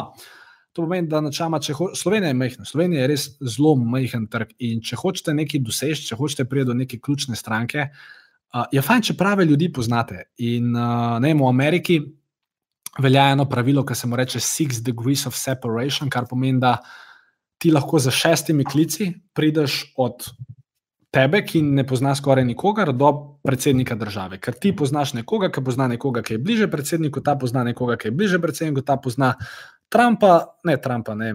Ne vem, že Melani, Melani pozna Donalda in priješ v šestih glici do Trumpa. No, v Sloveniji načela ta Six Degrees of Separation ne velja, ker je to manjša, manjša država, da načela ti lahko v treh klicih Torej, če imaš ne, 200 telefonskih številk v imeniku, če ti pokličeš nekoga, pa če on pokliče nekoga, pa če pa on pokliče nekoga, lahko v bistvu v treh do štirih klicih priješ do skoraj, skoraj, če imaš nek legitimen namen, do kjerkoli osebe v naši državi. Zakaj vam to razlagam? Zato, ker če se le da, uh, če imate neke poslovne cilje, osebne cilje, dajte se v naslednjem letu čim več mreže, dajte čim več ljudi spoznati, dajte investirati v vaše odnose, dajte probati biti, tudi če ste introvertirani, probajte biti ekstravertirani, ne ekstra. Ne, uh, mislim, da ni ekstravertiran beseda, ena druga je, ampak sem jo zdaj pozabil. Skratka, delajte na tem, da čim več ljudi spoznate. Eventi, kot je ta 15. drugega, so super priložnost, imate tudi druge priložnosti, ampak dejte čim več ljudi spoznati, ker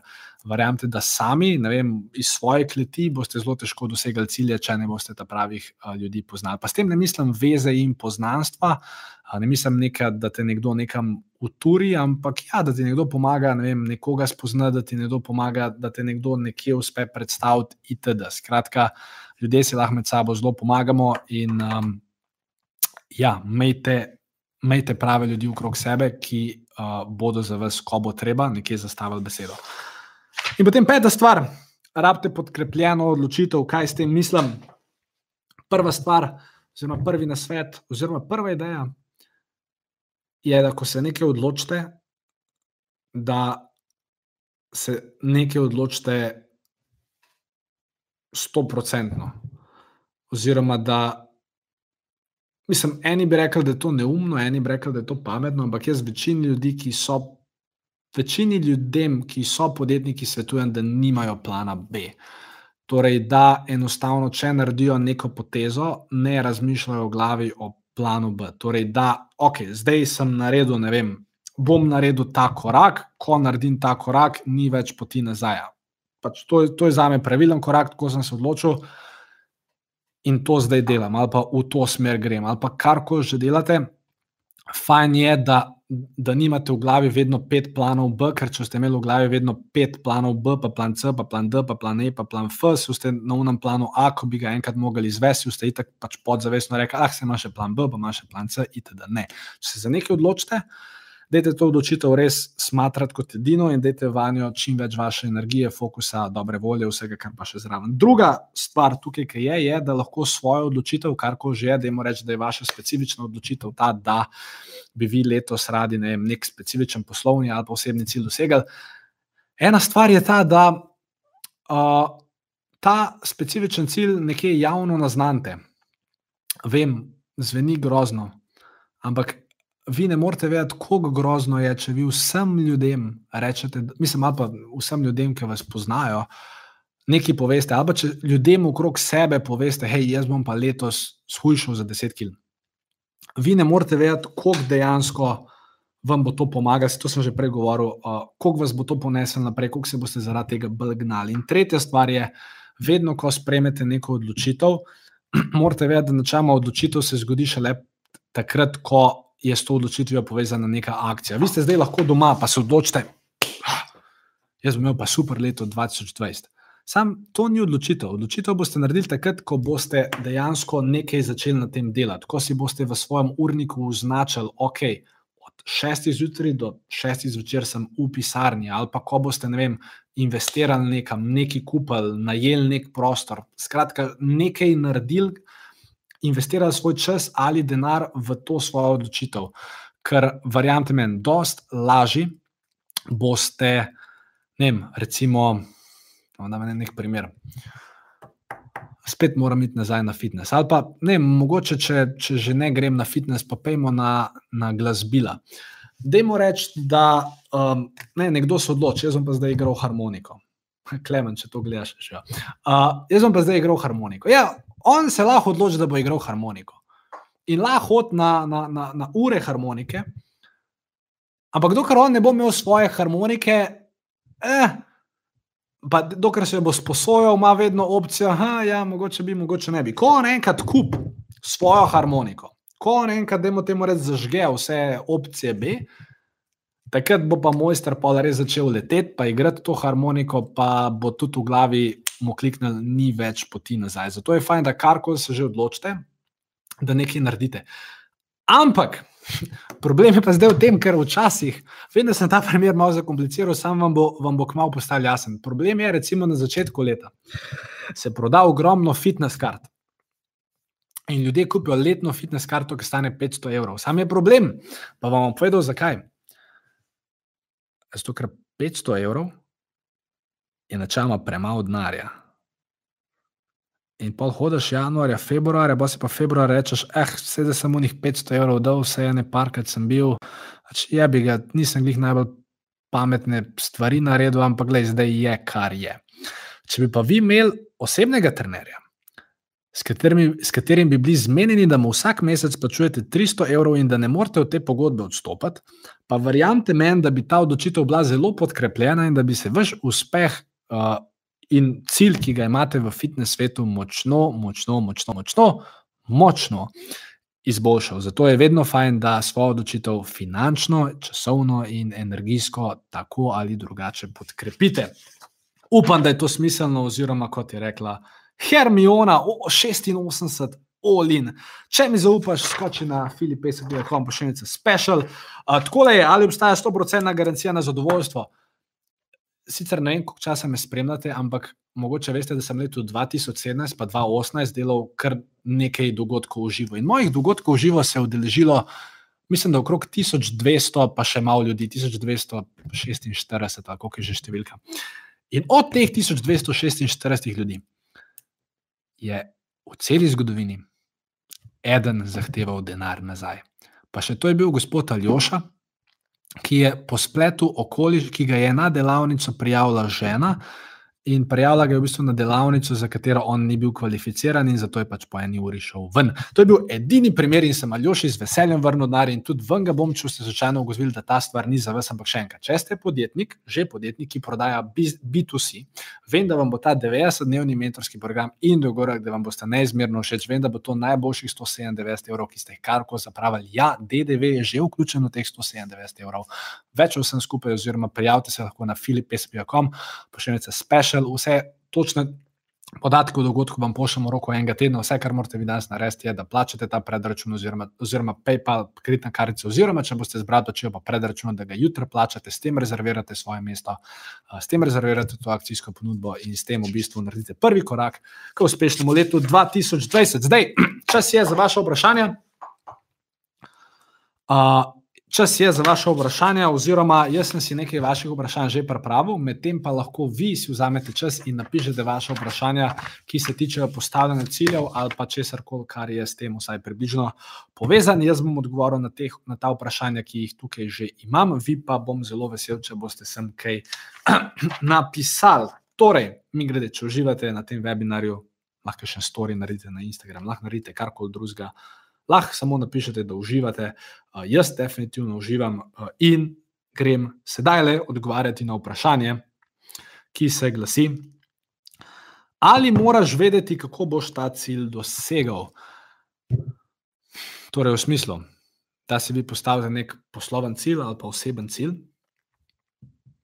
A morate zdaj točno vedeti, kako ste ta letni cilj, recimo, dosegali?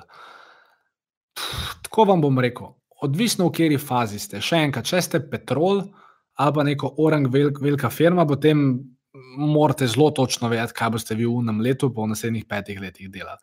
Če ste nek podjetnik, ki dela 30, 40, 50, 60, 120 tisoč evrov prometa na leto, načeloma ne rabite čisto točno vedeti, kako ste ta cilj dosegli. Morate imeti nek plan za ta vaš Q1, Vse ostalo boste pa pol videli, kako se bodo stvari odvijale, kaj se bo dogajalo, itd.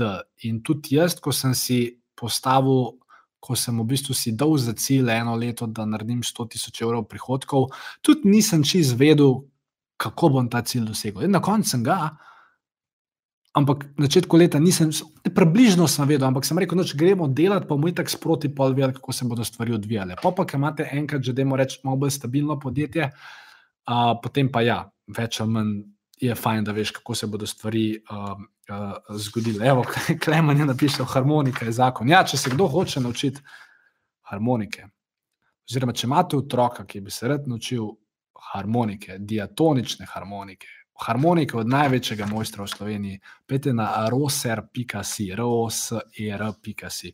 Klemen ti stavim račun za ta produkt placement, pa ne se se hecam, lepo te videti. Uh, ja, uh, čas za tvoje vprašanje, ne res pete na roser.si. Okay, uh, ali res potrebuješ močan, zakaj? Torej, ko postaviš nek cilj, ali, uh, ali potrebuješ nek. Orang, da mu rečeš razlog za to, da ta cilj imaš. Ja, mislim, škoditi ti ne more, pomagati ti bo. Uh, Uh, ampak, mislim, lahko imaš ti ne vem, koliko močen razlog. Zdaj, načela je vseeno. Bistvo je, da se ti začneš proti temu, temu cilju premikati. Uh, ali je to močen razlog, ali je to malo manj močen razlog, to je, to je pač neka teorija, ki mislim, da nima veze z, z ničemer. Pač bistvo je, da se ti za nek cilj odločiš, da veš, zakaj si se odločil in da si pol pripravljen uh, aktivno proti temu cilju iti. Če imaš pa seveda zraven tega močen razlog, zakaj ta cilj hočeš doseči, bo pa seveda ti to pomagalo. Uh, naslednje vprašanje, ali si lahko določim previsoke cilje? Ja, ja, ja, še posebej začetniki. Um, V podjetništvu, tudi jaz uh, sem imel veliko to težavo, mogoče še kdaj zdaj imam, kaj pa vem, vseeno nisem v podjetništvu, že 20 let sem malo manj, kar nekaj manj.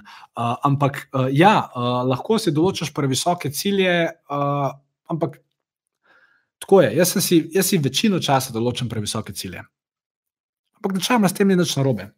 Zato, ker nekdo je nekoč rekel, če ciljaš.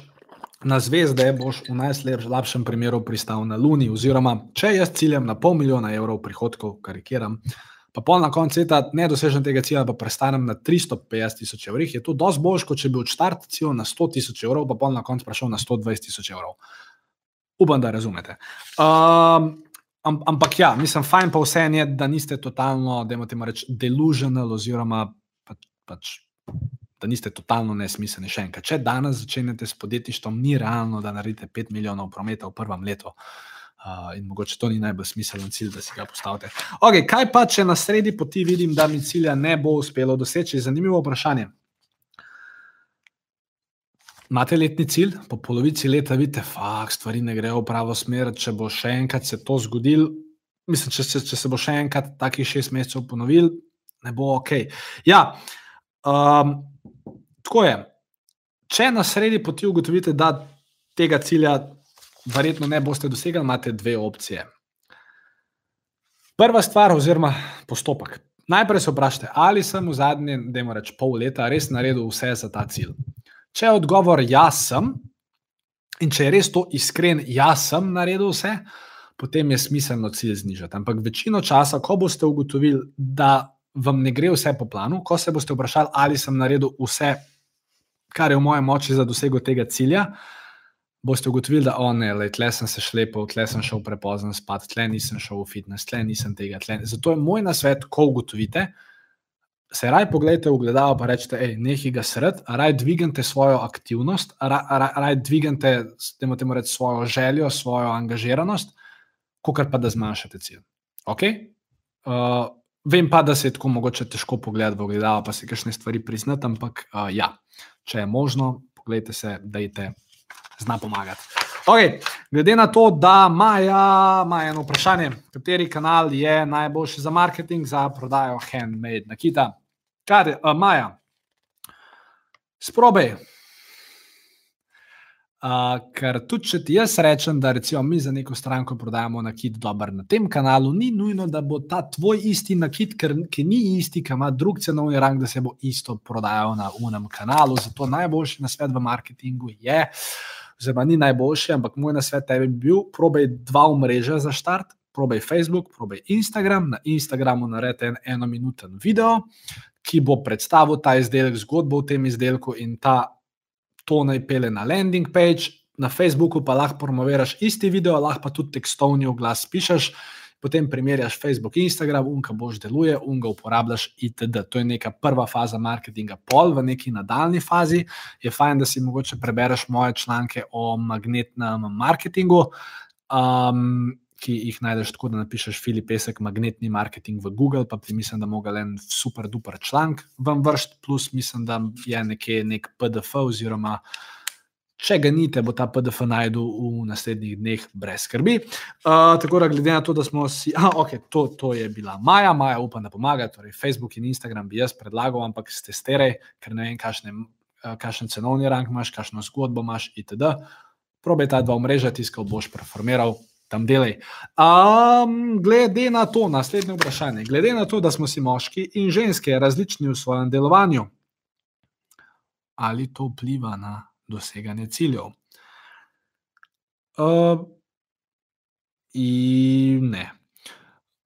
Mislim, to, to vprašanje je postavljeno na način, ki mi ni najbolj všeč, ker uh, mislim, ne vem, kaj točno je avtor tega vprašanja s tem mislil, ampak ne glede na to, ali si moški ali si ženska. Pač nekaj se odloči, naredi plan, pa to naredi. That's it. Uh, je pa res, da se veja, moški in ženske imamo, da drugače se motiviramo, drugače razmišljamo. To je pa pol stvar, ki jo sama, sama pri sebi ali pa sam pri sebi ugotovi, kaj točno tebe motivira, kako se boš lahko gnal naprej, itd.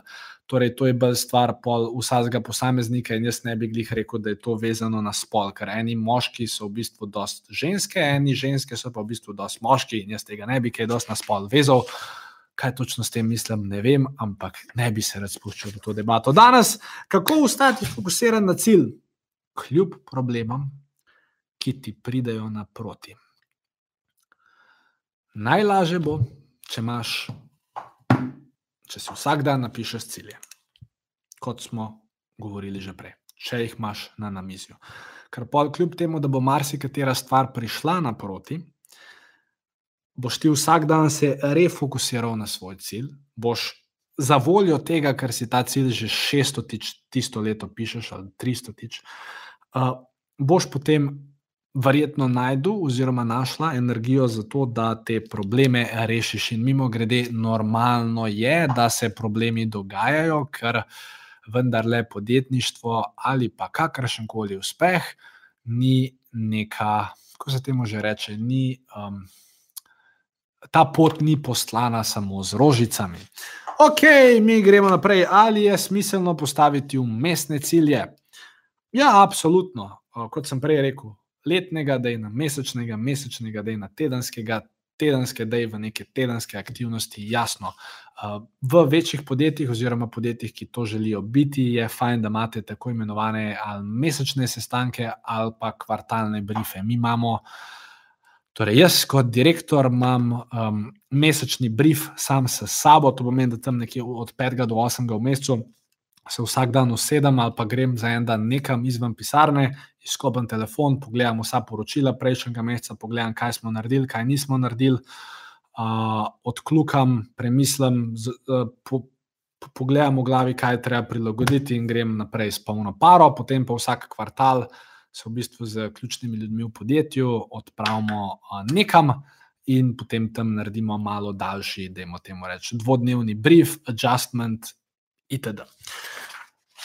Ja, tako. Mi smo prišli do skoraj konca. Jaz bom vesel, če se boste še kakšnega vprašanja sporej lotil. Jaz bi pa zdaj, mislim, ja, vem, seveda vam bom rekel, da pejte na filipesek.com, pošiljka speci, ali res se vam splača. Uh, ampak nekaj drugega bi rad naredil. Rad bi naredil nek tak povzetek. Vem, da sem danes kar nekaj stvari šel čez. Vem, da sem malo hitel, vem, da sem malo hripal, vem, da sem vmes postal malo žejen, vem, da ste se vi imeli odlično, bi pa vseeno naredil nek tak povzetek po domače, ker da, da boste točno vedeli, če se morate zdaj po tem webinarju lotiti, oziroma na čem morate jutri začeti delati. Prva stvar, vkolikor še nimate ciljev za leto 2020, dajte se vse sami s sabo ali pa za svojim timom, če ga že imate. postavite si cilje po smart metodi, dajte si jih nekam zapisati, dajte si jih tudi napisati na neko tako kartico. Uh, to je prva stvar. Uh, potem, ko imate te stvari zapisane, dajte imeti obvezno sestanek doma z ljudmi, s katerimi živite, da jih spravite on the same page. Ko imate to enkrat narejeno, postavite plan za vaš Q1, postavite letne cilje, itd. in pejte v akcijo. To je cela skrivnost. Uh, oziroma to je, da imamo temu reči, skrivnost, ki sem vam danes razkril, eden in edini, Filip Pesek. Čeprav mislim, da sem na zadnje gledal, je še nekdo z imenom Filip Pesek v Evropi. Tako da mogoče nisem edini. Ja, eh, kakorkoli, uh, Maja je napisala, hvala, Maja, hvala. Preden se ponovno vidimo, če slučajno ste en izmed tistih, ki imate že malo bolj orang podjetje in bi radi, da mi vodimo vaš marketing, pete na filipesek.com, pa še nekaj ena. Še enkrat, cena se začne od 1000 evrov na mesec naprej, uh, plus delamo panožno ekskluzivno, kar pomeni, da mogoče za vas nimamo več prostora. Druga stvar, za vse tiste, ki bi radi 90-dnevno mentorstvo moje, plus brezplačno stop na dogorek. Pejte na filipesabija.com, pa še nekaj special, res um, take ponudbe uh, še ni bilo. Uh, verjamem, da vam bo pomagala štartati v leto 2020, kot si želite, in da boste 31. marca pogledali nazaj in rekli: Wow, tole je pa bila najboljša odločitev, ki sem jo letos naredil. Tale pesek je res faca in tole je bilo res neverjetno. Uh, hvala, ker ste bili z mano. Uh, in uh, ja, lepo se imejte, lepo stopo leto 2020, ne metati petard. Uh, in ja, veliko uspehov na osebnem in poslovnem področju vam želi Filip. Lepo se imejte. Ajde, čau.